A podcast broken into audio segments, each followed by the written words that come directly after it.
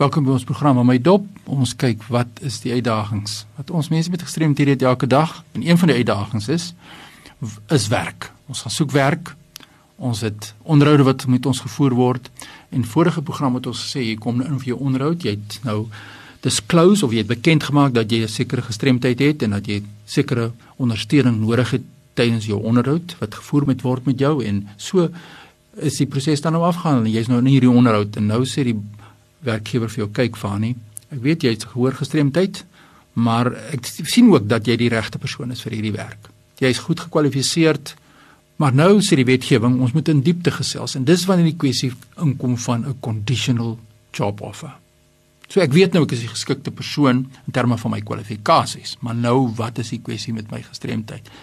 En nou kan die persoon wat nou die onderhoud met my voer sê 'n conditional job offer may only be made to one person at a time. So met ander woorde, Fanie, wees verseker jy's 'n gestremde persoon. Jy's die enigste persoon. Ek het nie 10 ander gestremdes hier wat ek hierdie offer voor gemaak het nie. Jy's die enigste persoon wat ek hierdie offer nou aan gaan maak of gemaak het.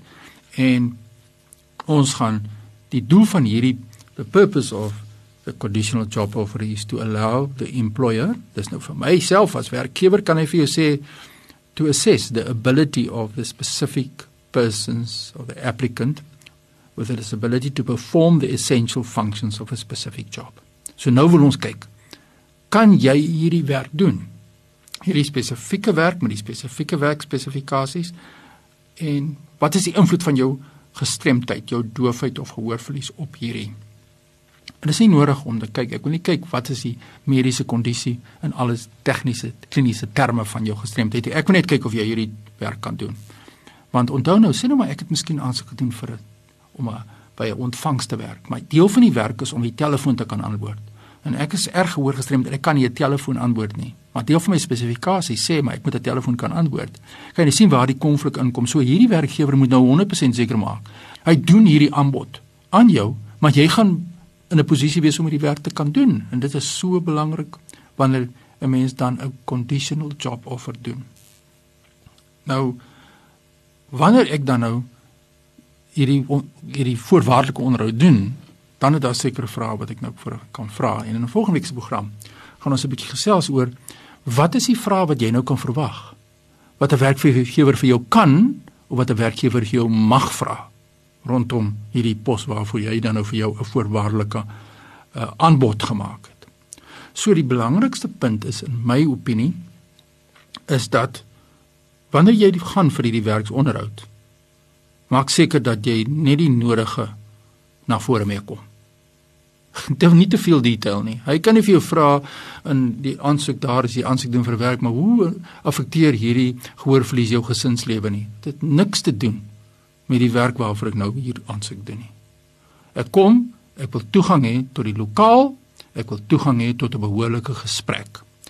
Dan is hierdie conditional job offer, hierdie voorwaardelike aanbod wat aan jou gemaak word en dit gee dan die persoon die reg om te sê goed, kom ons begin dan onderhandel rondom sekere brandpunte in terme van hierdie spesifieke werk wat jy aansoek gedoen het. Nou so daarom is dit belangrik ook dat jy as werk potensiële werknemer moet weet wat is die taakspesifikasie van daai werk.